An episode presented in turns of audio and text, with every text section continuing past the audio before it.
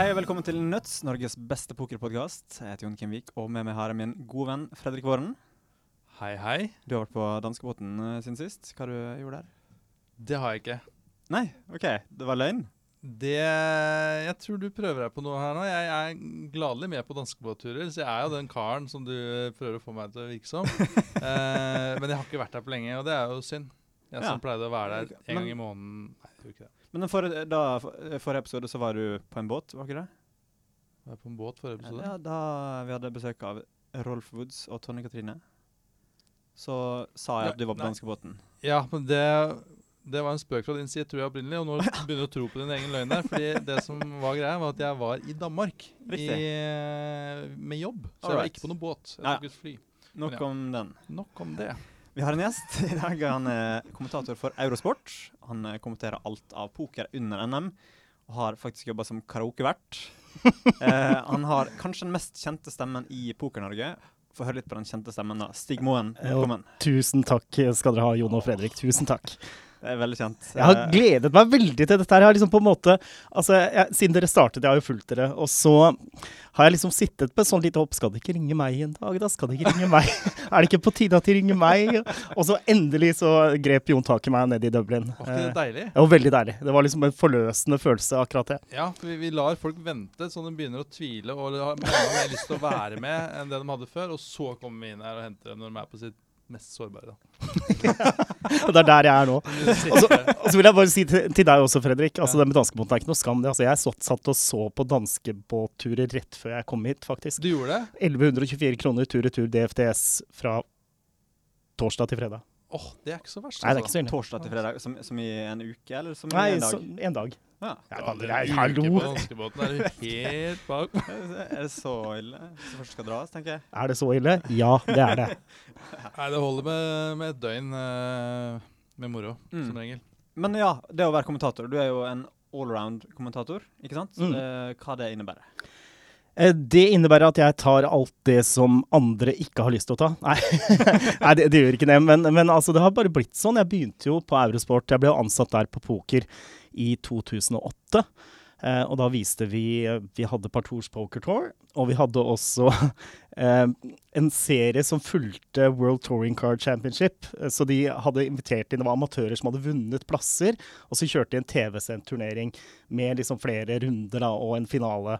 Så det var ganske spesielt å komme inn der og kommentere fransk poker, som allerede er tapie, øh», og liksom Knekten var et eller annet annet rart, og det var liksom og pluss da bare de amatørene som satt der.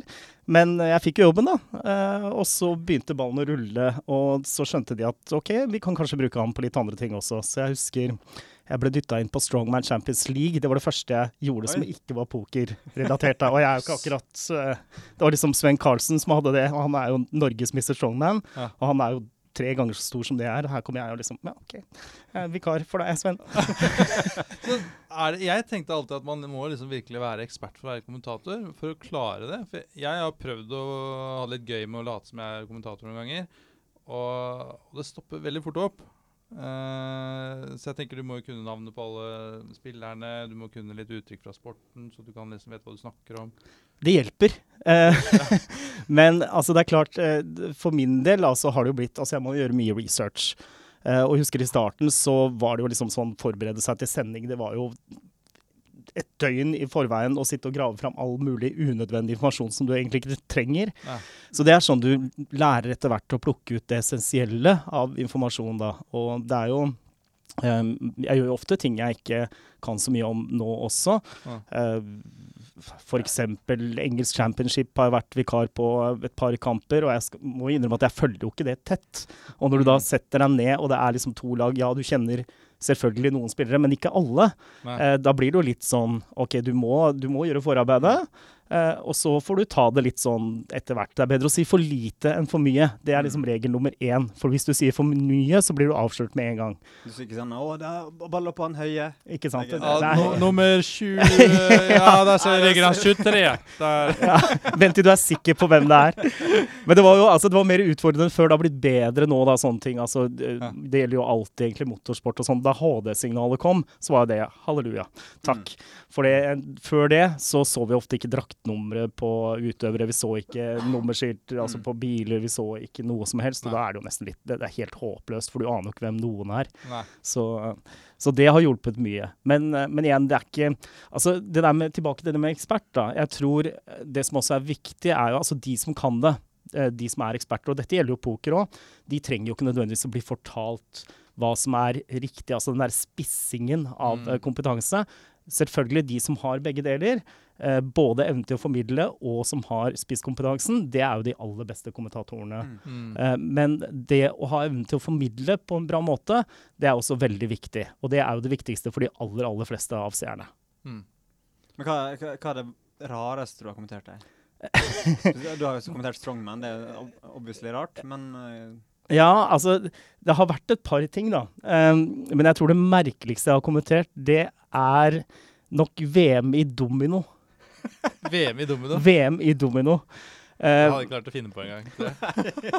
Nei, det, det, det her var altså akkurat uh, Eurosport eh, var jo fransk før det ble kjøpt opp av Discovery. Ja.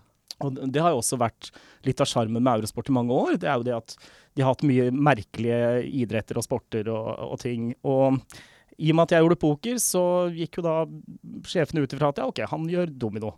Jeg Kan, kan jo ikke domino. Eh, og, så da begynner vi å google. da, se domino. Ja, det er 25 forskjellige varianter av domino. Ja. Og jeg ante jo ikke hva de spilte. Så da blir det til. Du setter deg ned, og her sitter det fire godt voksne menn fra Den dominikanske republikken. Og, men det, det var ganske artig, for det kommer akkurat som med poker, med grafikk på brikkene de har tilgjengelig, og hva de legger ut. Men det gikk jo så himla fort. Så det var. Men, men, men eh, et utdrag fra hva du sa, da. Hva, hva du Da begynte jeg da med å fortelle litt om historien eh, til domino, hvordan spillet oppsto, mens jeg Mm. prøvde å skjønne ok, hvilken variant av domino er det de faktisk spiller. Og når jeg hadde skjønt det, så eh, begynte jeg å forklare litt om reglene. Eh, og det husker jeg faktisk veldig godt òg, for Eurosport er alltid sånn du kommenterer alltid direkte, selv om det er opptak. Så det du sier, det Oi. står. Oi, oi. Så jeg hadde en sånn lang utredning som jeg hadde skrevet ned i forkant om reglene akkurat på den varianten. Ja. uh, hvorpå jeg avsluttet da med å si det er altså om å gjøre for spillerne å få tømt seg.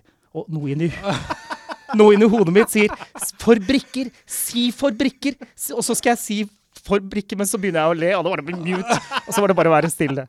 Oi, oi, oi. Nydelig. Så det er det merkeligste. Men ellers har det vært mye rart. Altså, jeg hadde måttet hoppe inn på eh, London-OL, så måtte jeg hoppe inn på trampoline, sånn litt på sparket. Det var sånn OK, de spretter. Eh, ellers så har jeg kommentert ja, Det er jo ikke rar idrett. Jeg har kommentert bueskyting uten å ha bilde. Det er også ganske Oi. spesielt. Så du får bare beskjed om hva som skjer? Altså, Ja, jeg hadde, jeg hadde, engelsk, jeg hadde engelskmann på øret, Ja, okay. så jeg bare støtta meg på han. Så Du prøvde bare å oversette mest mulig? jeg prøvde å time det i forhold til han, da. Så, Men blir, blir du ikke nervøs da når du kommer inn med en ny En ting er liksom poker som du spiller, og dette kan du, men når du kommer da på en ny idrett som du kanskje ikke er så kjent med, blir du ikke veldig nervøs? Selv om om du har pugget mye og sånn? Nei, egentlig ikke. Eh, Det, er liksom blir, det blir som vanlig jobb.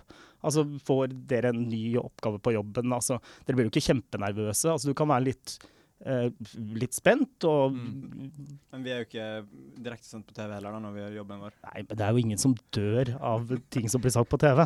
Det er jo liksom ikke noe i forhold til andre ting. Det er det jeg alltid pleier å tenke hvis jeg Mm. på en måte blir litt sånn. da. Sånn som Championship, hvor fansen kan være brutale. Tilhengere Ja. vet jo alt, ikke Ja, ja. sant. Så der, Mm. sier du noe galt da, så er det liksom Twitter-sorg med en gang. Eh, så, men eh, ikke nervøs, men, men eh, noen ganger litt spent eh, i forhold til Altså det kan være både hvis jeg gleder meg, og hvis jeg tenker OK, nå må jeg være litt skjerpet. Så det er, men nervøs er jeg ikke. Jeg er mer nervøs for ved å sitte her. Nei, egentlig ikke. Har, har, du- har, har du dummet skikkelig noen gang når du har kommentert? Er vel kanskje ikke jeg rettet til å svare på det. Nei, ikke, ikke skikkelig. Altså, det har jo vært, og det er det jo støtt og stadig, sånne småting. Det vil det jo være. Og særlig sånn poker-NM, hvor vi sitter og prater non-stop i tolv pluss timer. Da vil det jo alltid være noe man sier som er galt, og, ja, mm. og man bommer ikke sant, på et eller annet. Eh, Men det er jo bare sånn det er. Vi er alle menneskelige. Det er. For de som syns det er merkelig, prøv å sitte og snakke kontinuerlig i tolv timer uten å si noe feil. Det ja, det er jo helt utrolig at du, har, du klarer det. det er, er det noen, som, noen andre idretter man kommenterer så lenge? Uh, nei, ikke nå lenger, etter at cricket uh, kutta cricket? Ja, jeg har gjort det òg. Ja. Uh, jeg, jeg tror jeg stort sett har kommentert alt som Eurosport har av sport, uten snooker. Og eh, kunstløp har jeg heller ikke kommentert direkte. Jeg har hatt noen sånn magasinting om utøvere og sånn. Ja. Men det tror jeg er nesten er de to eneste tingene jeg ikke har vært innom. Hva, hva er det gøyeste å kommentere? da? Oi, det er så mye. Um, jeg syns jo australsk fotball uh, Vi hadde jo rettighetene på det, EFL. Ja. Og det er jo gigantisk i Australia. Uh, og det er fantastiske produksjoner. Det er en stor, eh, altså stor uh, serie. Um, og det er jo 18 spillere på hvert lag, 36 spillere på banen. Det er baner som er liksom 170 ganger 130 meter, liksom. Og, eh, og kjempeproduksjon. Du ser alt som skjer fra enhver vinkel til enhver tid. Eh, og det er jo action hele tiden. Det skal være minst mulig avbrudd i spillet. Mm. Så det er på en måte det beste av amerikansk fotball, fotball og rugby iblanda litt andre ting. Ishockey det er beintøft. De spiller jo nesten helt uten beskyttelse. Mm. Eh, og, så det er vel kanskje det, det høres også da vanskelig ut. Er det derfor du syns det er gøy? For du må ha ekstrem hukommelse hvis du skal klare å huske alle reglene. Så mange spillere Ja, men det, det, det, det kommer etter hvert. Altså, det var noen sesonger som, som vi hadde da, eller viste det. Eh, og det kommer, og det sitter ganske greit. Det er jo som det er med alt annet. Hvis man på en måte syns noe er gøy, så har man Mm. også interesse for det. Da er det lettere å, å på en måte huske eh, informasjonen. Mm. Så, nei, det er, så det er noe av det morsomste. Eh, akkurat nå så er det en del vintersportting jeg gjør fast, sånn som en del freestyle-disipliner. Skicross er jo fantastisk moro. Mm. Det, er en, altså det er en idrett som jeg syns er synd at ikke flere har oppdaget. Mm. For det er fryktelig fryktelig gøy å se på. Det skjer noe hele tiden, og det er jo heat-basert. ikke sant? Utslagingsprinsippet. Mm. Eh, og det er liksom spenning hele veien. Mm. Eh, så det er en idrett som jeg på en måte skulle ønske kunne bli mer eh, utbredt, altså sånn hos publikum som TV-sport. Ja. Eh, Det har jeg tenkt på, eh, om, om poker kunne vi, vi kjenner jo turneringspoker på den måten vi har, og vi har eh, utslagsturneringer der du har ett bord, og så er det en, en som går videre. Men kunne man hatt eh, trukk-gruppespill, som, i- som i fotball? At man blir trukket i fire spillere på ei gruppe på et bord, og så får du poeng ut fra hvor bra du gjør det, når du ryker ut? Ja, det, er, er det noen mulighet for å lage et ligasystem over tid? han spør deg, Fredrik. Jeg spør deg, Fredrik. ja, det er godt at du spør meg, for jeg er veldig opptatt av dette liga, at vi skal få et Ja, ligasystem. Stig, Nei, men det, redd meg, Stig. Nei, altså Det er jo interessant. Du har jo, som du, som du var inne på, shootout-turneringer Ja. hvor du spiller ett bord og spiller ferdig til én vinner og én går videre. Mm. Men det kunne jo gått an å utvide det sånn at du gjorde shootout hvor flere gikk videre. og Da vil jo strategien forandre seg også. For Mm. når du spiller ett bord, så er det jo winner takes all. Kun vinneren som går videre. Det er det eneste som gjelder. Men hadde du på en måte gjort det litt større, utvidet det kanskje? Ja, ikke sant, det og for eksempel. Du har jo hatt disse Hva var det det het, de seriene, da? Eh, Det var TV-sendt poker hvor stort sett de aller eh, fleste og de beste turneringsspillerne i verden Um, uh, spilte et sånt rangeringssystem hvor du fikk poeng ut fra plasseringen, og så gikk du videre basert Hva var det det het, da? Mm. Det er noen år siden. Ja, Jesse May kommenterte. Så Negran var med på det, og Ja. Phil Helmuth, Mm. Phil Lack, Antonio så Svandiari. Ja, så var det veldig mye styr, for jeg husker Phil Ivy satt og kasta gode hender, for han, han tenkte bare å få ut en til. Ikke sant? Mm. Så. Og det, det er som du sier, det blir litt interessant akkurat den biten, her, for da må du tenke helt annerledes strategisk. Ja. Anette Obrestad var med og spilte også en år, jeg husker jeg. Så, men jeg husker ikke hva det het. Ja, det, det er jo noe der, og jeg mener å huske at du og jeg også, Jon, spilte noe, noe lignende på nett for mange år siden. Det, Mm. Du vant ganske mye på det. Husker ikke det at du fikk Du måtte vinne, eller du måtte komme deg gjennom fem turneringer, eller noe sånt nå, og så var det da en hovedturnering hvor det var ganske mye penger eh, Poeng, mener du? Poeng? Ja, Du kan nei, vinne poeng? ja, OK, poeng. Eh, men der var det sånn at eh, du måtte komme deg blant de fem beste Ja. flere ganger på rad, og Mm. så kom du til en finale hvor det var eh, ganske mye poeng til den som vant. da. Ja, det høres eh, litt kjent ut, men eh, jeg er Ja. ikke sikker på om jeg forsøker. Det er noe i det. Og da var, det er jo veldig sånn strategi som du snakket om, at man må jo kaste uh, S-paret fordi at det er bare én til som skal ut, f.eks. Mm. Og da blir det jo liksom det der å finne opp OGT på nytt til nye formater. Det er jo veldig Mm. interessant, og de som, som har den evnen som er best på det, de vil jo, vil jo Mm. kunne nyte godt av det. En annen ting, bare touche kort inn på det, for jeg hørte noe Altså det har vært snakk om å ehm, Altså dette er bare løse rykter, men det har jo vært snakk om liksom å gjøre f.eks. NM-øvelser til re-entry. Ehm, ja, ja. og det Altså der Jeg vet ikke helt hva jeg syns om det, uh, hvis det skulle skje. Altså, jeg er helt for å ha en egen NM-øvelse uh, som eh, er en re-entry. Mm. Men å gjøre f.eks. main event til en re-entry, det er jeg ganske imot. For det vil forandre veldig mye Ja. på For det er en mesterskaps... Det er en tittelturnering. Mm. Og det vil forandre helt på hele Ja. konseptet. Hva med de som ikke har råd til å kjøpe seg inn to ganger? Ja. Og så vil det være de som har råd til å kjøpe seg inn. De vil jo på en måte hamre løs for å få stor stack. Mm. Så det syns jeg er en dårlig idé. Altså, det er ikke dermed sagt at det kommer til å skje, men jeg bare hørte Jeg husker ikke engang hvor jeg hørte snakk om det. Jeg, jeg er enig med deg, for at main event skal liksom være main event. Den er som den er, syns jeg. da. Hvis Mm. man skal begynne å lage den til en annen variant, så blir det liksom ikke main event. Det er jo det som er gøy med Ja, selve main den, event. den gir ingen noen fordeler. Nei, ikke sant. Den er som den er, tenker jeg. Og det er liksom den, den mest Mm. gjeve å vinne. ikke sant? Og så har du mange side events som også er veldig gøy. Og det kunne jo vært en side event som hadde vært en turnering med reentry der. ikke sant? Ja, eh, det kan være en tittelevent, men, da- men at det er helt, helt åpent om at det er en, en re re-entry eller en rebuy. Ja, ikke sant? Mm. Mm. Mm. Enig. Mm. Du, du kommenterte med Norman Chad, den amerikanske kommentatoren som kommenterer Ja, det er ganske alt heftig. der. Ja. Ja, det var ganske spesielt. Da var det jo Andreas Berge og jeg som fikk æren, og det var virkelig en ære å Hei, kommentere med han. Ja, ja, hei, Andreas. Jeg vet ikke. Shibi. Eh, det, vi var, da, da, var vi litt, da var vi litt nervøse. Ja. Eh, litt spente. Så Norman Chad skulle jo da gjøre seks timer hver dag. Det var det som var i kontrakten hans. Hver dag av main event. Så én ting var jo det at det var Norman Chad. Eh, de fleste som er pokerinteresserte, har jo sett eh, sendingene fra World Series of Poker, Ja. eh, hvor han og Lon McGarren på en måte er radarparet. Og her skulle plutselig vi sitte og kommentere da med Norman Shad ved siden av. Ikke bare det, vi skulle kommentere på engelsk. Og vi vet jo alle hvor vrient det er, ikke sant, Fredrik? Det er ingen kommentar. Jeg syns det er lett, jeg. Men det, det, er- det er jo noe helt annet, ikke sant. Det er, det Og så vi tura jo i gang, da. eh, Og eh, det gikk jo greit. Altså, det, jeg skal ikke si at det ikke var ubehagelig å kommentere på engelsk, for det var det. Si at du var litt nervøs, da. Ja, jeg var litt. Jeg, nei, jeg var litt nervøs. Ja, Jeg var det. Ja, Deilig å høre Eh, menneske.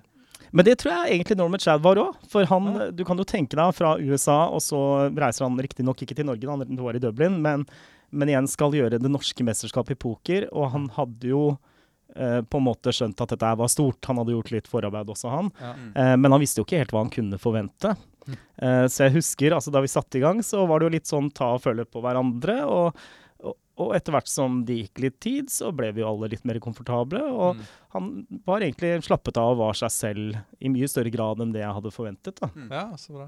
Og det tok jo litt tid. Han er jo kjent for de av dere som ikke vet om Norman Chad, så er han kjent for å rakke litt Eller gyve litt løs både på spillere og eh, medkommentatorer og andre. Så jeg var egentlig litt skuffet over at han ikke på en måte hogg litt på meg. da. Ja, så jeg tenkte hva er dette her for noe? Så skal han ikke snart slenge noen meldinger? Uh, men det var liksom først eh, godt utpå kvelden, uh, så kom liksom det første lille eh. Og, og, da, og da så jeg at han på en måte så på meg sånn, bare, bare for å se hvordan jeg reagerte. Ja. Uh, og jeg knakk jo sammen, ikke sant, for dette hadde jeg venta på. Jeg hadde Ja, gleda det. Åh, Så innmari.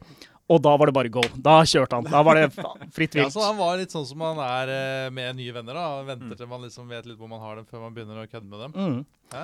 Men han er jo veldig veldig annerledes. Det er det som var, var liksom litt Han er veldig uamerikansk. Eh, han er ikke sånn 'her er jeg' og selger seg inn. Veldig stille, rolig, lavmælt når han ikke er på. Mm. Um, og en helt annen person. Og det jeg syns var gøy, var at han på en måte åpnet seg litt i de NM-sendingene også. Det ligger ute på YouTube, så det er mulig å gå tilbake og se på det. Søk på NM 2014 Norman Chad. Mm. Eh, så han, du får liksom et innblikk i hvordan han er som person. Eh, og vi snakket også litt om dette her med at i og med at han har slengt så mye dritt til eh, spillere, om han, det har liksom vært situasjoner som han har følt ubehagelig i etterkant. Eh, og det er det helt klart, og han sa jo det også at mye av det hadde gått veldig inn på han. Og det var spillere han hadde prøvd å på en måte forsone seg med, som bare hadde Nei, glem det. Oi, Eh, ja. så de konfronterer henne og, og sånn, da? Mm. Ja, ja, det har jeg lurt litt på. Eh, når du kommenterer NM, så er det jo ganske mange eh, nybegynnere med. Eh, og selv førstelevelser, så skjer det mye rart eh, under NM. så har du vært eh, Hvor du legger lista, og er du kritisk til hvor kritisk du er til spillere så tidlig? Hvis, du, hvis det er opplagt at jeg kanskje ikke har spilt så mye poker, og får du reaksjoner på det etterpå i spillelokalet? Eh, eh, kan begynne med det første. Altså, det, det er klart, på dag én så, så er vi litt snillere enn det vi pleier å være. Men samtidig er også viktig, du sa kritiske til spillere. Og det det er også viktig å påpeke noe, for det er mange som ikke helt skjønner forskjellen der. Én ting er å være kritisk i forhold til spillet de gjør, Men vi er ikke, det, dette dreier seg ikke om personene. Er, det er jo ikke, da. ikke sant. Ja. Eh, det kan vi også komme tilbake til, forresten. Bare minn meg på det. Uh, men men eh, det er jo um, mer det at det er jo spillet vi analyserer, eller i hvert fall vi gjør så godt vi kan. Eh, og det er klart, det skjer jo, som du sier, Jon, veldig mye rart eh, på, på dag én, eh, også senere i turneringen. Men vi prøver å være litt snillere på dag én, eh, og på en måte forklare at her er det spillere som ikke har så mye erfaring. Mm. Eh, og forklare når det er, skje, er spill som er litt Kanskje ikke helt riktige linjene å ta. Eh, men på en, på en snill måte. Og så setter vi lista litt høyere på dag to, og så blir det mer og mer kritisk. Men jeg tror vi gjør det, jeg tror vi balanserer det ganske bra, fordi vi får eh, vi får jo reaksjoner fra seere som syns vi er for strenge, Mm. og så får vi seere som syns vi er altfor snille. Og da tror jeg vi ligger omtrent der vi skal ligge. Ja, det tror jeg er et godt tegn. Ja. Men, men har, du, har noen kommet og huka tak i deg i spillelokalet og sagt sånn Hei, du, hva du, sa- du sa om uh, spillet mitt? Uh. Nei, vet du hva? Faktisk aldri. Uh, men det som var litt artig under årets NM, eh, var at vi satt og kommenterte. Jeg og Martin Iversen, som jeg kommenterte sammen med i år, også i fjor, i Dublin. Eh, vi Martin. satt der. Ja, Hei, Martin. Synd du ikke fikk være med. Kommer anledninger. Eh, men du må vente like lenge som jeg ventet. Eh, men i hvert fall, jeg sitter og kommenterer. Sitter her. Og så plutselig er det, ser jeg at det er noen som står rett ved siden av meg. Og vi sitter jo egentlig ganske veldig tilgjengelige. Eh, vi er jo bare bak et forheng, så alle kan jo gå bort. Og så ser jeg at det er en kar som står der, så jeg liksom bare ser sånn og ser rett på et par hvite tøfler. Og så snur jeg meg tilbake, så, er liksom, så blir jeg litt sånn derre Hva er dette her for noe? Jo, der står Svein Jørgen Christensen med norgesmestertøflene sine. Han som ble norgesmester i 8 Game. Ja, du intervjuet jo han. Eh, og da tenker jeg liksom sånn Oi, ja, vi var jo til, periodevis litt krasse mot Svein Jørgen eh, i forhold til eh, Særlig da nest siste dagen. Eh, hvor han var litt Ja, det var fest. Eh, Men så jeg tenker OK, mute, Martin kjører, så jeg tar av meg headsetet, og så titter jeg opp, og så sier han ja, hei. Og så sier jeg ja, hei, Svein Jørgen, gratulerer. Ja, du hadde ikke trua. og jeg sitter der litt sånn eh, Nei, du har sett på det, ja? Ja, jeg har sett på det. Du hadde ikke trua på meg, men jeg vant. Og... Men det viser viste seg at han ville bare bort og si hei, og øh, snakke litt med meg. Og så, etter det, så traff han jo en øh, senere på kvelden og dagen etter, og Svein Jørgen, kjempehyggelig. Var ikke, han hadde ikke noe altså, å si på det vi hadde sagt. Og jeg tror også det at ofte når det er sånne situasjoner, om det er oppførsel eh, eller andre ting, så tror jeg nok de aller, aller fleste innser det selv. Mm. Eh, og det kan være ting de ikke tenker på. Det har vært episoder hvor folk på en måte gjør ting som er veldig ufint da, i Mm. utgangspunktet, men de er ikke klar over det selv. Eh, og så ser de det da utenfra. Det er det å se seg selv fra utsiden, eh, se seg selv på TV, se Mm. hvordan det faktisk virket. Da tror jeg de, på en måte de får en bedre forståelse for hvordan det blir oppfattet også. Ja. Eh, så vi har egentlig aldri hatt problemer med akkurat den biten der. Det hender, jo at det, det hender jo at det kommer folk bort og skal snakke om hender, da, som de har spilt, og skal de forklare linja. det er. Og det er så- egentlig tenkt. Ja, og, du har jo sett alt, så det er sånn, du er ikke interessert. Ja, jo, jo, jeg er veldig interessert i sånne ting, men, men det som er litt problemet, da, etter at jeg er ferdig Det skjer jo gjerne etter at jeg er ferdig for kvelden, og da har vi sittet og kommentert i tolv pluss timer, og vi har sett ja, gudene vet hvor mange hender, Ja. så er det sånn derre Ja, det var den hånda, ja. Nei, du, du husker jo ikke Nei, du- du. Nei. Noen ganger husker du det. Men for, du ser jo veldig mange hender. Føler du at, det, at du blir skarpere når du spiller selv? Fordi du får jo en eh, erfaring ut av å se så mye. Ja, det, det er et veldig interessant spørsmål. Um, Takk, og, takk, jeg skrev ned disse her, som det kommer egentlig senere. Men uh, jeg kan svare på det interessante spørsmålet. ja, det er litt i forkant. Uh, ja, jeg tror det. Um, og um, jeg tror kanskje ikke jeg har vært så bevisst på det, men nå har jeg heller ikke Det kommer vi sikkert også litt tilbake til senere, Jon. Men nå har jeg heller ikke spilt så mye tidligere år, rett og slett fordi jeg ikke har hatt tid. Nå har jeg hatt en periode i 2017 hvor jeg har spilt mye. Mm. Um, og jeg tror nok uh, at det, er det som man kaller magefølelsen. da. Uh, at man eh, legger merke, altså man legger merke til når man spiller en hånd her er det et eller annet som ikke stemmer. Her er det Mm. noe som ikke rimer. Mm. Eller at det rimer veldig. Mm. Eh, så du på en måte gjenkjenner situasjoner eh, underbevisst. Og så må du tenke gjennom hva er det som har skjedd her. Mm. Og så klarer jeg faktisk i større grad enn jeg gjorde før å resonnere meg fram til eh, akkurat hva det er som enten stemmer eller ikke stemmer med, med en gitt linje. Da. Ja. Og det kan man også bruke til egen fordel, for Istedenfor Altså, da kan man også velge mer overbevisende linjer selv, hvis man på en måte ja, semibløffer. Mm. Eh, så her har jeg nok mye å jobbe med, på en måte å få eh, kontroll på magefølelsen min. da. Ja. Og det er nok sant som du sier, altså det at jeg har sett så fryktelig mange hender, og ikke minst situasjoner som gjør at man, eh, man plutselig er det et eller annet som eh, Vent litt. Ja, du, du skrev til meg på Facebook tidligere at TV-sendt poker er underholdning eh, framfor coaching. Hva Mm. du legger i det? Eh, altså, dette går litt tilbake til ehm, Nå har jo NM vært eh, Altså, det har vært livestream på NM siden Riga i to Nei, vet du, nå ljuger jeg. Nottingham i 2008. Mm. Uh, det var første gang det var en livestream som tura gikk. Og det har det vært hvert år. Eh, og det er klart, da var det jo bare menigheten. Da var det jo bare donker slash vesop.no. altså, det, det var jo publikummet. Mm. Eh, og da var det jo veldig annerledes. Det var bare pokerspillere, og gjerne pokerspillere som var veldig interesserte, som Mm. satt og fulgte med. Eh, og vi streamet jo eh, Det kom jo et for- samarbeid Jeg kom jo først inn eh, i 2011. Jeg gjorde TV-sendinger faktisk i 2007 fra Göteborg, men det var studiosammenheng, sånn som vi sitter nå. Hadde gjester Mm. oppe i annen etasje. Vi hadde ikke lov til å filme i kasino på Casino Cosmoporn. Ja. Så vi måtte rigge oss til et sånn kunstutstillingslokale oppe i andre etasje, hvor vi måtte ned og hente gjester og liksom dra dem opp to trapper. og Det er litt kjedelig når en fyr har ryket, røket ut fra finalebordet i NM og liksom måtte rive han med opp. da. De- de- Derfra, fra det året i Göteborg, så har jeg uh, morsom historie om Drillo. Ja. Uh, han, han spilte Egil Drillo Olsen, vet du hvem det er, Fredrik? ja, han eh, vet jeg så vidt uh, hvem er. ja. Han er Ja, god han, på fjell. eh, han spilte jo poker en, en stund. Han er veldig god på fjell, ja. Mm. Uh, men eh, han var med i NM der, eh, og så hadde han en helt OK stack. eh, da det var to-tre timer igjen av dag én. Og så hadde han, eh, og så gikk han. Og så spurte jeg men skal, du skal ikke spille ferdig, da? Eh, det er to-tre timer igjen. Nei, jeg har regna ut at uh, jeg har uh, nok chips til å overleve dag én, uh, og det var målet mitt. Nei!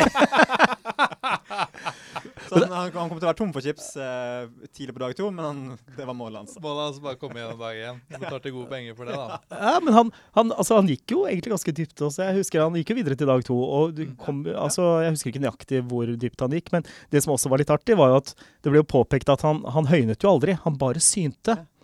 Eh, og det var liksom sånn gjennom turneringen da, så var det noen som sa at du vet at du kan høyne også. Du, du trenger ikke bare å syne eller sjekke, liksom. Og det var jo sånn Ja, ja. ja. Og, og så ganske sent, da, på dag to, så var det visst liksom Jeg vet ikke akkurat gangen, da, men det var, la oss si det var oppspill da, og et syn. Kast, kast, kast til Drillo, som ser ned på kortene sine. Ser opp igjen og sier 'race' og gliser. Ja, ja, for da var jeg liksom første. Ja, Så, men uh, fantastisk uh, mann. Altså, hadde han som gjest i studio, og, og, og han kan jo spille kort. Eh, Så- Som kom så langt, altså. Ja. Så Selman gikk fra second sin, så ja da, han gjorde det. Eh, Han er jo strategisk anlagt Ja, ja. og veldig sånn Ja, Han regner ut, han. Ja. Han var jo tilbake og spilte i Nottingham også. eh, det var vel året etter.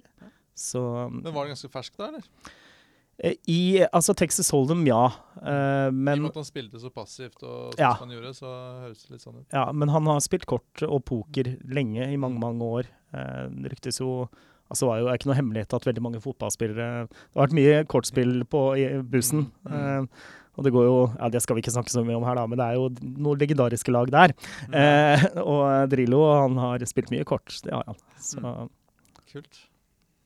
Hvem hva var det vi Hvordan kom vi hit? Jo, TV-sendt poker som underholdning. Det var der vi var. Vet du hva, Sånn blir det når vi tre kommer sammen. Skal vi se, vi begynner der, og så ender vi Ja, Eh, det skal være litt sånn. Ja.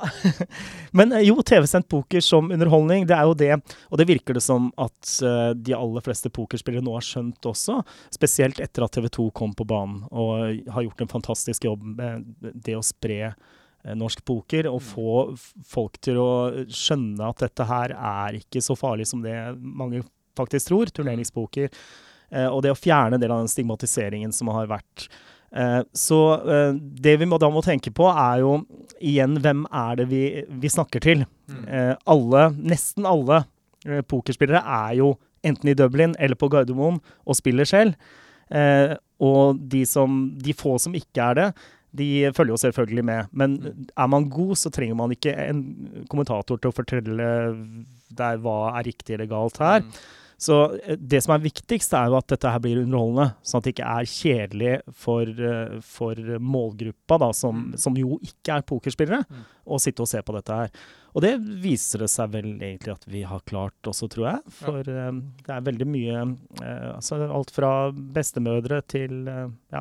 Og det er, jo det, det er jo det viktige, det du sier der. da, altså det ikke er det kun for å fortelle hva som er rett og galt. Det ville vært veldig kjedelig hvis det alltid var sånn når man så kommentatorer Ja. Generelt. da. men jeg har også lurt på at siden sendingene er så lange, eh, kunne det vært eh, lurt å prøve, prøve seg et år med å lage eh, høydepunktbasert eh, sending også, som bare er en time, og så er det det viktigste henda. Å ja, ja, det kunne vært kult. Bare for å se en oppsummering. For det, det Mm. kan være tungt å skulle blase gjennom ti timer med sumo. eh, Vi pokerspillere elsker jo det, da. Men du tenker for, for eh, Ja, for er ikke-pokerspillere. Dublin. Det ble, det ble gjort noen TV-redigerte episoder til Eller fra uh, Riga i 2011. Eh, så de ligger der ute. Eh, og Men det er klart, altså ja. eh, men igjen, det blir jo litt da opp til TV 2, da. eh, Mm. hva de ønsker å gjøre i forhold til det. For det må jo redigeres sammen, det må sys sammen, og så, så må man da eh, Ja, det er jo sykearbeider der, da. ja, det er det. Men det er en god idé, Jon. Absolutt. Men litt tilbake, altså i forhold til eh, dette med, med eh, TV-sendt poker kontra coaching, da. Mm. Det som er problemet med TV som media, er jo at bildene er der og da. Og når man sitter og kommenterer, så er man nødt til å følge bildene. Man kan ikke begynne å snakke om ting som skjedde for ti minutter siden. Fordi da snakker man over hodet på seerne. Mm. Eh, Og alle som har klikka seg inn ja. ST5. Ja. Eh, så det, og da kan man heller ikke gå så i dybden som det man kanskje ofte skulle ønske at man kunne Ja, gjøre. kan da. Sette det i kontekst på samme måte, da. Nei. Mm. Og det er jo, og det, jeg skjønner jo sånn som altså, de ekspertene som, som jeg kommenterer sammen med, som uh, Sigurd Eskeland, Ørjan Skommo, Henrik Tollefsen, Jonny Lodden. Mm. Altså, no, ingen nevnt, ingen glemt, holdt jeg på å si, men da er jeg sikkert Fire nevnt. Ja. Nei, det er jo mange som har vært innom, da. Men, men det er klart det er litt frustrerende for dem noen ganger, på en måte, når det er noe som faktisk er veldig interessant, hvor det er mange lag Eller altså, hvor det er mange lag, da. Mm. Altså mm, layers, på godt norsk. Mm. Eh, og da kunne virkelig liksom pirke i eh, Og det er jo veldig fristende for de som er dyktige nok til å gjøre det. Klart ja. Men uh, det er klart det er frustrerende når vi er nødt til å følge bildene. Hvis ikke så mister vi jo uh, Mm. målgruppa. Hvis vi Og når vi er inne på der, så det som har jeg tenkt meg noe at uh, det er jo veldig 90% av TV-borda har jo en kjendis eh, som ikke nødvendigvis er en pokerspiller på samme måte som eh, det andre. Um, er, det, er det uheldig på sikt at fokuset ligger der? Eh, at man ikke fokuserer på f.eks. et bord med, med åtte ukjente spillere som er fryktelig gode? Mm. Jeg skjønner hva du mener. Eh, både ja og nei. Det som er så fint, da, er at vi har jo Uh, Nå har vi vært veldig heldige med TV-bord egentlig de siste årene, uh, hvor det har vært begge deler. Altså Det har Mhm. både vært profilerte eh, og gode pokerspillere, og det har gjerne vært en, en kjendis Mm. innom. Nå viser det seg at en del av de kjendisene har blitt fryktelig gode pokerspillere, de også. Ja, Mm. Se på på Alali, liksom, som Mm. virkelig tar spillet alvorlig, og Mm. hun har jo blitt steingod. Eh, Linni Meister også har forbedret seg noe enormt fra hun debuterte. Eh, vi hadde jo henne på TV-bordet nå, nå i år eh, ved et par anledninger, faktisk. Og det er en kjempeforskjell, da. Ja. Eh, John Arne Riise, andreplass i JP Masters. Det er jo helt sykt. Og han var og spilte den eh, før, eh, før NM. Ja, eh, nei, den gikk jo parallelt under NM. Ja. Ja. Fikk, med Fikk du ikke unna det? Ja, Hørte du ikke det? Nei, men i hvert fall. andreplass? Ja, han var andreplass i JP Masters. Det er. Det er veldig imponerende. Og han, um, han havnet jo ikke på TV-bordet under NM-sendingene, da, så vi fikk jo ikke på en måte sett noe særlig til spillet hans. Men husker jo da han debuterte i NM i Dublin, så var han jo Altså, han kunne jo spille, men han var nok litt utålmodig. Det var nok eh, litt Alt skulle skje, selv om han Jeg vet at han også tøylet seg inn da han satt på TV-bordet. Eh, så han har nok fått den forståelsen. Og han har jo sittet og fulgt med både på NM-sendinger og EPT-sendinger på TV 2 og vært på Twitter og vært aktiv og virkelig Han, Han han, er, virker veldig interessert i poker. han er entusiast, altså. Mm. Jeg har til og med kommentert sammen med John Arne, og da var han ivrig. Stakkars Louise Angelica satt eh, på en stol bak inne i sånn trangt lite En liten kommentatorboks og satt og ventet. og Det var liksom hadde Jon Arne, det var et privat, eller en privat arrangement da, som ikke ble streamet, men som ble gjort i opptak. Og hun satt og ventet bak, Jon Arne satt og kommenterte, og vi kom til liksom en pause i turneringen hvor jeg sier ja, takk for følget, Jon Arne Riise, da skal vi slippe deg. Nei, jeg kommer tilbake etter pausen, jeg. og det gjorde han. Ja, det gjorde det. Og satt der. Og så forsvant han og, og kona da ut en stund. Og så da det, Jeg tror vi var nede på tre spillere. Hvem er det som dukker opp i kommentatorboksen? Det er Jon Arne Riise! Han vil kommentere, han vil være med. Vi må jo få en annen her. Ja, det må dere. Det er, han er bra gjest. Det hadde vært gøy. Men jeg, men jeg har tenkt på det med at, ehm, at det kan føles, kanskje, uh, urettferdig for deg som alltid blir satt på TV-bordet. Fordi du må jo vise hver hånd, altså Mm. til, eh, til alle sammen som vil se. Mm. Og det blir analysert hver hånd. Ja. Uh, Aylar har jo um, hatt eh, jo, For et par år siden så var hun jo litt irritert over det. Eh, og det er jo fordi, Ja, det akkurat som du sier. Ja. Mm. Eh, men så igjen så har hun jo snudd litt på det. Hun liker det ikke, men hun skjønner jo OK, jeg får den erfaringen, den rutinen, og den er kanskje verdifull å ta med seg, den òg. Ja, det Så- mindre nervøs å sitte på TV-bordet Mm. seinere. Ja. Takler det bedre enn de andre. Og det er igjen Det gjelder å på en måte finne det positive i det. Og Alar er veldig flink til akkurat det. da. Så, men uh, igjen litt tilbake til dette her med, med Som du sier, da. Det er jo bord som ofte er veldig interessante. Og det syns jeg er veldig artig med TV 2 også. Det er jo ikke alltid jeg og Martin som velger TV-bordene. Uh, det har jo ikke vi tid til, for vi sitter og Eller jeg og Sigurd, eller hvem jeg nå enn kommenterer med. Mm. Uh, det har jo ikke vi tid til. Eh, ja, Sigurd har ikke kommentert så mye NM, da, for det har han ikke tid til. Eh, men eh, så Derfor er det jo andre personer som gjør det. Vi har jo Truls Teigen, og så er det også Jon Erik Aasen eh, ofte for TV 2 når de kommer ned. Ja. Det som er litt artig, er jo at noen ganger så kommer jo Aasen med ja, bordnummer Nei, jeg klarer ikke dialekten. Eh, Bordnummer eh, 30! Se, gutter! Eh, ja, sorry, Jon Erik. Eh, og så ser jeg på bordet, det er liksom stappfullt av pokerprofiler. da. Mm. Eh, og så blir jeg litt sånn Jo, men det sitter jo på bordet der, har vi jo en kjendis eh, liksom sånn der Nei, drit i det, faen! Se, se det bordet, da!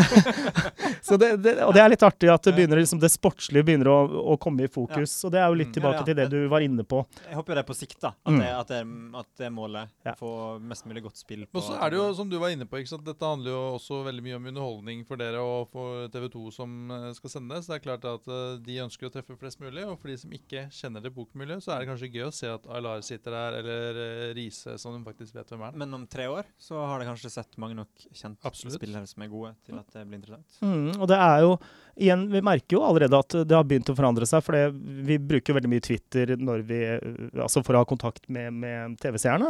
Og vi merker jo det at fra vi TV 2 hadde de første sendingene, eh, eller den første sendingen fra Dublin, også Gardermoen, eh, i forhold til spørsmål på Twitter, så nå er det mye mindre av på en måte de mest basic spørsmålene. da, Som hva er, hva er storeblind? Mm. Eh, Hva er Fredrik, kan du knappen. svare på det?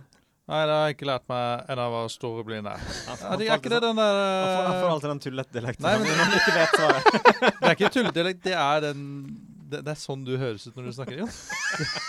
Det er Stavanger-dialekter. Kan sånn, eh, så- eh, Jeg vet sjelden hva en storblind er. Men uh, blir jo med for det. Det er ikke Rogaland det der du har der, Fredrik. Jeg, jeg, jeg, har, jeg har et problem med dialekter. Eh, jeg blander alle inn, og samtidig da ingen. Jeg tror vi tar en jingle.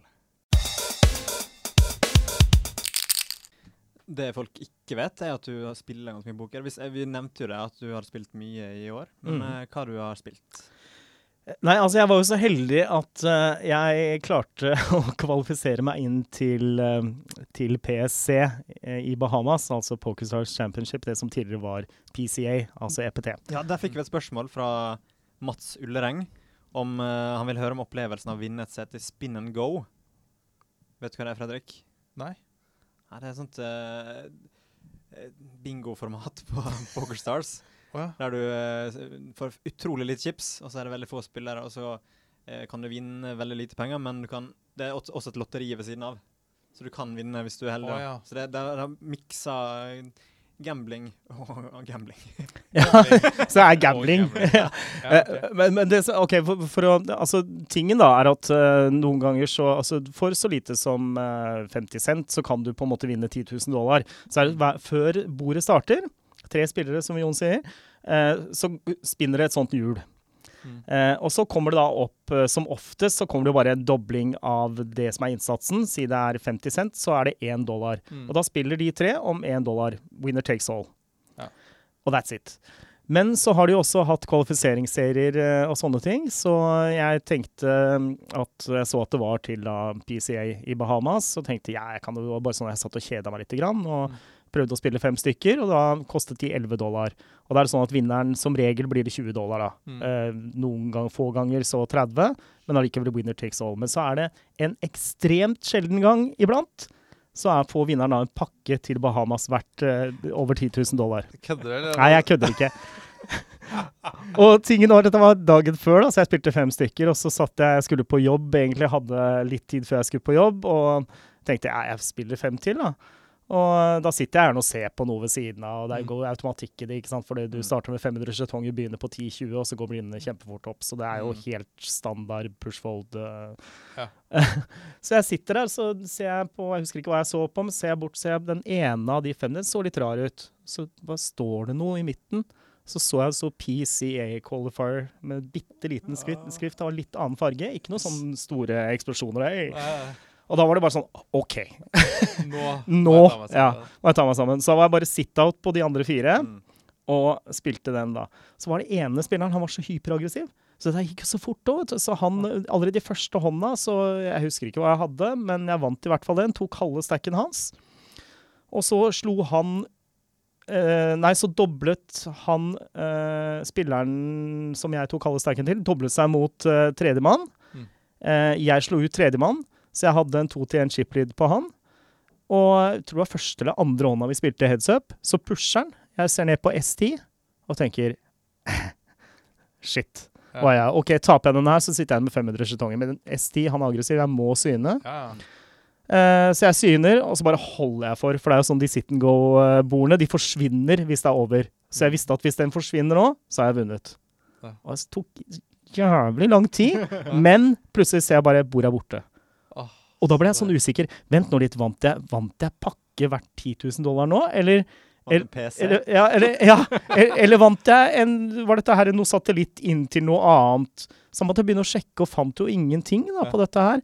Gikk jeg inn på uh, Spin and Go-sida og så at nei, vet du hva, de eneste premiene her, det er 10 dollar, 30 dollar eller pakke. Oh, shit. Ja, og det var faktisk oh shit, ja. Det var det jeg tenkte òg. Så da fikk jeg reise til Bahamas og spille PCA.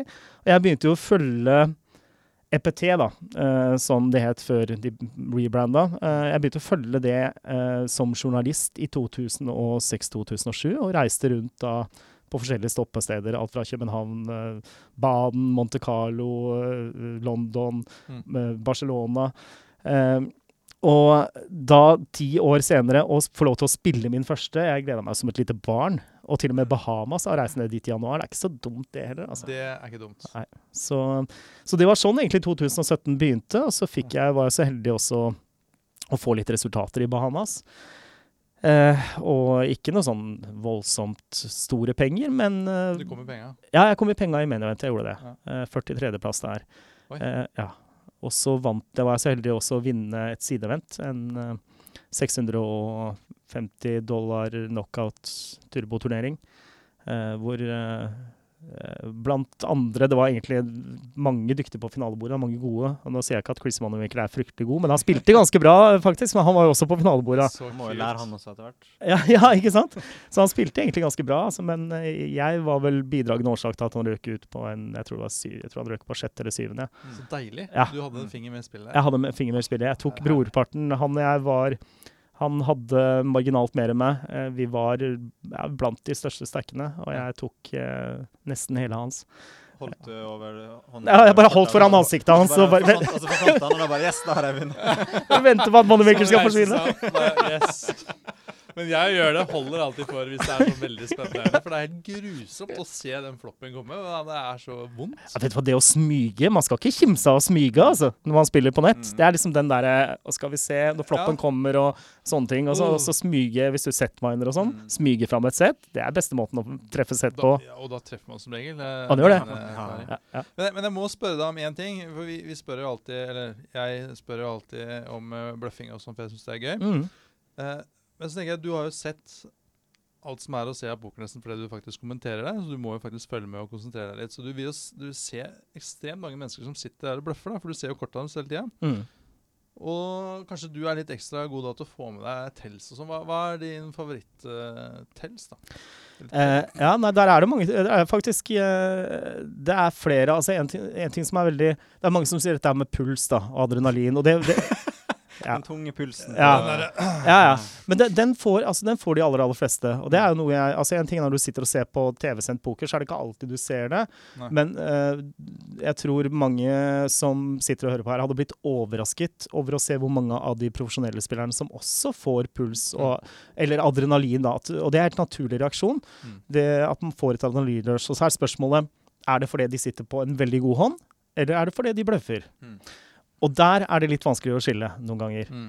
Eh, og Derfor er det så lurt å sitte og følge med også på hva som skjer når du ikke er i en hånd. At du er konsentrert hele veien. Følge med selv om du har kasta. Hva skjer, hva gjør de andre, hvordan agerer de? Eh, og du kan si det jeg ofte ser etter hvis, de har, hvis det er en spiller som har høyt puls, Mm. hvis de gjør noen bevegelser utover det at de har høy puls, hvis de plutselig forandrer kroppsstilling, posisjon, Ja. hvis de svelger, sånne ting, og det gjentar seg. Eh, så derfor la dem gjerne sitte og steke litt. Grann. Eh, da er det som regel en bløff. Så fremt de ikke sender ut da omvendte tels, da. Den er. Men det er det. Eh, men du skal det være blir litt sånn ah, det er så ubehagelig. ja, du skal være en veldig, er ja, mm, du skal være en veldig god skuespiller. Og de, men tingen er at det blir ikke så tydelig som det der. da. Fordi de prøver å, å holde det til et minimum. Det, det er liksom kroppen, men det kommer allikevel. Mm. Da er det som regel en bløff. Eh, en annen ting som er Det er mulig jeg gir bort mye her nå, men Gi bort alt. ja, og det er ikke nødvendigvis Det er ikke når det kommer til bløffing, da. Men det er dette her med å skvise kortene sine. Okay. Ja, Det er et kjempetell Ja. hos veldig mange spillere. Ja, altså, Og, ja. Hva mener du om å skvise kortene? Jo, det skal jeg forklare, Fredrik. Uh, tingen er at uh, når en spiller Som regel venter jo folk til det er deres tur med å se på kortene. Og da kan man på en måte følge runden. Sitte og se. Mm. Og så hvis en spiller da ser ned og gjør sånn, løfter først på det ene, og så hvis det kommer en pause, og så smyger de fram det andre, mm. og så er det ofte måten de slipper ned kortene på. Noen ganger så sier det 'snapp' når de slipper. Mm. Det kan bety enten at det her var ikke så interessant det andre kortet, og da blir det som regel kast. Eller så kan det også være eh, at de på en måte Smyger. Og så er det liksom Og så skal det bys. Eh, Mm. Og da kan du gå ut ifra at de likte det første kortet ditt? Og de likte også det andre. Så da kan du gå ut ifra at det i hvert fall er bildekort og bildekort, det kan være et par, og så må du Mm. prøve å finne de små subtile forskjellene på hvordan de slipper ned kortene. Ja. Og det varierer fra spiller til spiller. Da. Men det var jo sånn som jeg var jo i, i Monte Carlo og spilte nå, sideventer under eh, PC eh, Nei, ikke PS, jo, PC der. Uh, og der var det en franskmann. God spiller, dyktig, solid. Han hadde et kjempetelt på det. Så eh, vi spilte jo den turboutgaven av Main Event. Da var det en del nordmenn innom bordet. Og da delte jeg den informasjonen med de andre Mm. nordmennene i Ja. pausen og sa følg med på han når han smyger. Så han på en måte liker det første, kommer det andre, og da har han som regel en veldig god hånd. Ja. Eh, og da er det mye lettere å sette han på et spekter av hender også, i forhold forhold til flopp. ja, for at de, de ser den ene kortet først, og det kjenner jeg meg igjen i. Mm. For det er alltid liksom spennende hvis det er S på første, ikke sant? Så er det S der nå. Nei, det var en firer.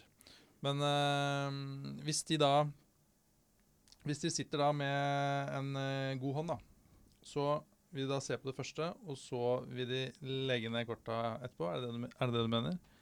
Ja, altså, nei, For det, kom... Hva er forskjellen på når de faktisk ikke treffer på det andre kortet, og på det første? nei, altså, da kaster de som regel. Å ja, sånn, ja. Ai, ai, ai. Ai, ja, ja. Så, men, men igjen, det, altså, dette her blir jo igjen Man må jo på en måte Det er litt sånn Man må forske litt på det òg, da. Man kan ikke Ja. gå Og sånn er det med alle tels. Man kan ikke gå automatisk ut ifra at han eh, svelga der, da er det bløff. Ikke sant? Ja. Du, må, du må sette det i sammenheng. Ja. Mm. eh, og over tid. Mm. Så det er farlig å på en måte skulle begynne å trekke konklusjoner etter altfor kort tid. Det, ja, og det er nok noe som, som mange bør tenke litt mer på. Eh, altså det at man har en sample size som er eh, større enn et par-tre hender. Mm. At du har det over lengre tid. Og det er ofte eh, Da må man jo ut og spille som regel litt større turneringer hvor du kanskje sitter på et bord gjennom hele dagen til og med, ikke sant? Mm. med de samme spillerne. Eh, det er liksom først når du har fått noen timer sammen at du virkelig kan begynne å pusle sammen alle de små bitene, da, sånn Mm. at du får Og et så, og så blir, blir bordet brutt, og så får du et nytt bord. Ja, Ja, og det, det, er, ja til det du bare gleder deg til neste hånd han er, og så var nei. ja, og det er er ofte frustrerende. Og det er jo igjen slitsomt, men det er jo en del av å spille poker der òg. Mm. Mm. Men helt riktig, som, som dere begge har sagt, altså dette at jeg har sett så mange hender. Og, og når vi kommenterer, så følger vi med på alle spillerne. Mm. Ja, Eh, ikke bare Vi vet jo liksom altså her med hullkort, da, vet vi hva alle har. Mm. Og det er nok en del ting som setter seg sånn baki her. Vent litt, nå gjorde han Eller nå gjorde hun det. Ja, du, du må jo ha masse tels på, på Linni og Tone etter hvert. Eh, nei, det er, jeg har ikke så mye tels på, på akkurat uh, de, tror jeg. Linni er det ikke så lett å ha noe tels på. Altså. Vi hadde jo sånn vi spilte jo et cash-lag der på kvelden i Dublin, hvor uh, Linni bare kjørte over alt og alle. Ja. Hadde Tor Anton Velo som coach ved siden av. Tor Anton satt og prøvde å fortelle Linni hva hun skulle gjøre. Lykke til, Tor Anton. Det var sånn, Når Linni hadde bestemt seg, så var det bare æ. Da, Ja, da, da, må å, da må du begynne å se på han, og så han, han sa et eller annet annet, og så sa, gjorde hun et eller annet annet. Og så ble, ser han oppgitt ut. Hva det betyr egentlig. Ja. Nei, så det var Men eh, nei, jeg har, jeg har egentlig ikke det. Altså, det er sånn ja, jeg, Og jeg, igjen, jeg husker jo ikke spesifikt uh, spesifikt helst på spesifikke spillere. Eh, så det blir mer eh, det blir mer situasjonene det gjør det. Men, eh, men dere er nok inne på noe, at jeg har nok hatt veldig nytte av det. Og jeg har jo vært eh, Altså, som jeg var inne på, jeg har spilt veldig mye mer poker live i 2017 enn det jeg har gjort før. Mm. Fordi jeg har hatt muligheten til det også. også sånn Fått muligheten til å gjøre det, da. Eh, og eh, det har jo Til nå så har det jo gått veldig bra. Eh, Så selv om det ikke har vært liksom de helt store, eh, store dingene, har liksom ikke vært topplasseringene, så har det allikevel vært, eh, vært nære mange ganger nå. Mm. Så Vil du si at du har god motorikk, forresten? nei. Nei, for det, Fryktelig dårlig. Du, du ble jo livestreama under en uh, turnering her med Jeg vet ikke om du har hørt om det, Nei, Fredrik? Men eh, ja, det er det, sånn, det er sånn, jeg ser at han skulle ønske ikke den kom opp. Der kom den. Han kom seg gjennom hele som- uka. Ja, en skuespiller som heter Kevin Hart. Eh, kan du fortelle hva som skjedde? Nei, det, det her var jo i Bahamas. Uh, uh, det som da skjedde, Fredrik, nå skal du høre. Uh, og for de som ikke har fått det med seg, nå tror jeg de fleste har fått det med seg, for jeg blir stadig minnet på akkurat dette her. Men eh, det som skjedde, var at det er jo de samme Altså mange av de samme dealerne og samme turneringsledelsen som vi har under NM, så jeg kjenner jo en del av de gjennom da de årene som de har gitt kort i NM. Så var det Brandon, han ene av de to brødrene som er TD i Dublin, de to store karene. Eh, han så meg, så han satt og ventet på at turneringen skulle starte, så han vinka meg bort. Ja, kom igjen. Eh, så jeg tenkte hei, kult å se Brennan. Så jeg, jeg har jo, går jo ofte litt fort, da, og så så jeg det var noen som sto i midtgangen der, så jeg tenkte OK, da skjærer jeg inn her. Eh, og der sto det et sånn no smoking-skilt som var så høyt som jeg gikk rett inn i, og gikk skikkelig på trynet. Ai, ai, ai. Og ja, man blir jo alltid litt flau, da. Eh, så det er liksom sånn opp med skilt og OK, slo meg litt på kneet, men det liksom prøver vi Nei, det går bra. Det går bra. Det gikk, det gikk veldig fint. Men, Ja. men kom det på TV, eller? Var det Jo, nå skal du høre. For når jeg kom. Det er så bra. ja, når jeg kommer bort til Brandon, så sier han bare Du er klar over at Kevin Hart sto og filmet dette her eh, nå?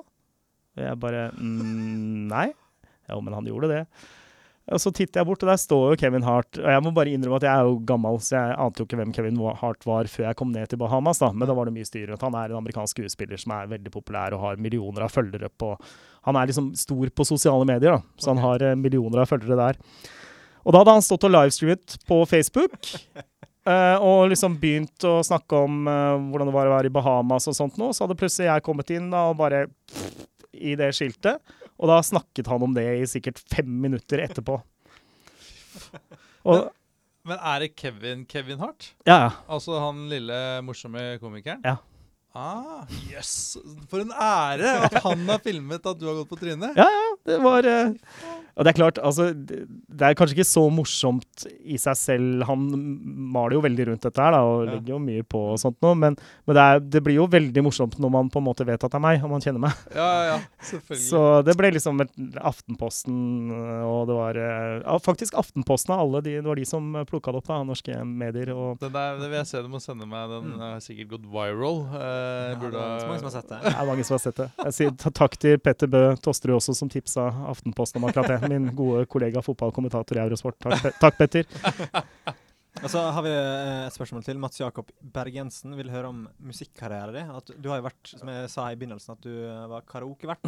Ja. Kan Eh, du Fortell litt om det. nei, jeg, jeg, Er det sant? Ja, jeg, det er sant. Så jeg, med andre ord, jeg kommer ikke til himmelen. Jeg kommer til å gå rett til helvete. Etter å ha vært karaokevert i noen år. Uh, nei, ja, altså Det som var, da, var at jeg, jeg hadde jo musikk som hovedinteresse før uh, pokeren kom og tok meg. Uh, og spilte jo i band i mange år, og da jeg var ung og lovende, så hadde jeg også platekontrakt. uten at det ble noe av det, da. Eh, men Så jeg har spilt i coverband i ja, til sammen sikkert Jeg har vært litt sånn i perioder ut og inn, da, men i- til sammen nesten 20 år. eh, og reist rundt i Norge og spilt coverlåter, og, eller sunget, da, og spilt gitar. Med et band som heter Saturn. Det høres ut som et danseband, men det er, ja, det er Jeg tror coverband. kanskje jeg har hørt om det. Ja da. Det er, Trine Rein var vokalist der noen år før jeg kom inn. Og det er sånn, ja. Så det, det var liksom, så vi har spilt for alt fra kongen og dronningen til, eh, Yes. til eh, bygdefest på Ja, ja, alt mulig. Uh, så Men eh, så i hvert fall der eh, Og da var det veldig fint å ha noe Selv om jeg på en måte levde litt av det, så var det greit å ha en jobb som det gikk an å kombinere det med. Og det, da var jo da å jobbe i utelivsbransjen helt perfekt. Så jeg gjorde det i mange år også. Eh, parallelt med begge deler. Men så ble det jo Altså, pokeren kom jo og eh, tok over lite grann. Jeg har fortsatt musikk som interesse, men nå mer som på hobbybasis. Mm. Har et hardrockband sammen med noe Så nå har du gått over til hardrock? ja, nei, det, var, det er jo alt begynte. Jeg hadde jo Ja. langt hår med rotpermanent, det? Fredrik. Ja, ja, skinnjakke og boots og hallo. Hadde Fredrik også, husk. Ja, men jeg var ikke, jeg var ikke en sånn rockete type. Jeg var Nei. mer sånn, jeg prøvde å være sånn, se litt som en sånn slask som eh, kanskje skulle si en bok en dag. Jeg. Ja. Der, jeg. Kunstnerbohem. Ja, jeg tror jeg, jeg, Ja. følte meg på liksom. Nei, da, så, så på en måte, da er det tilbake til røttene. Så har vi et sånn lite hobbyband sammen med noen venner som bare spiller gode gamle hardrocklåter liksom fra 80 80-åra. 70-80-åra. Så, så jeg driver med musikk fortsatt.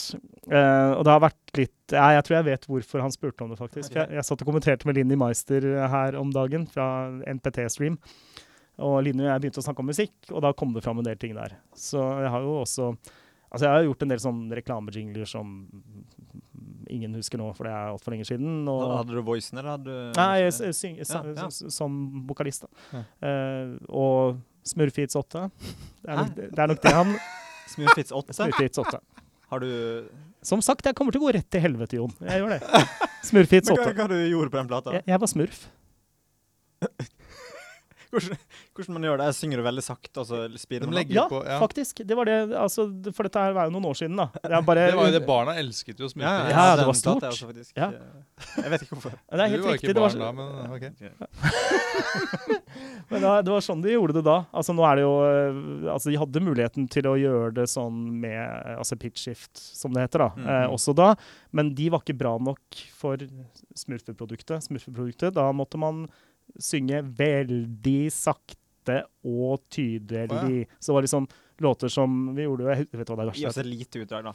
Ok, eh, altså Så sang vi for eksempel, kanskje er det det Full fart fremover Her kommer riddersmurfen Og så ble det pitcha på ja, sånn da Full fart fremover Her kommer riddersmurfen altså.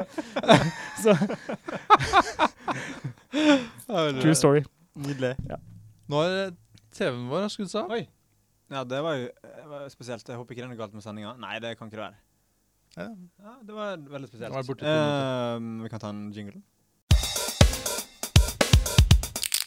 Før vi runder av, så må vi si fram at vi har en konkurranse som vanlig på Facebook, der du kan vinne et chipset som dere som ser på, kan se her. Dere som ikke ser på, kan drømme om uh, Ja, skal- Sjekke chipsa. Sjekke. Ja, det. Er det chips? Oh. Pass på å tømme, tømme det for Det er deilige. Ja, de var veldig chipsa. deilige De er ikke for glatte, liksom. Nei, veldig fine Uh, og de som ser på, har sett at vi har sittet med en uh, nøttskopp. Vi har fått litt merch.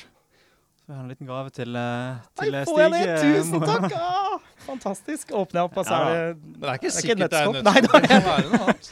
ah, fy, nei, det Ja, du kan slippe å åpne den, men Tusen det er i hvert fall den her, da. ah, Så. Eh, takk for at du var med, Fredrik. Bare hyggelig. Og tusen hjertelig takk for at du var med. Det var veldig glad deg med. Takk skal dere i like måte. Vi kunne jo holdt på sikkert i flere timer til. eh, Definitivt. Får Du får hooke oss inn på um, NM-sendingene. Absolutt, ikke sant? Så Det er ja, ja. Men uh, takk for oss. Ha det bra.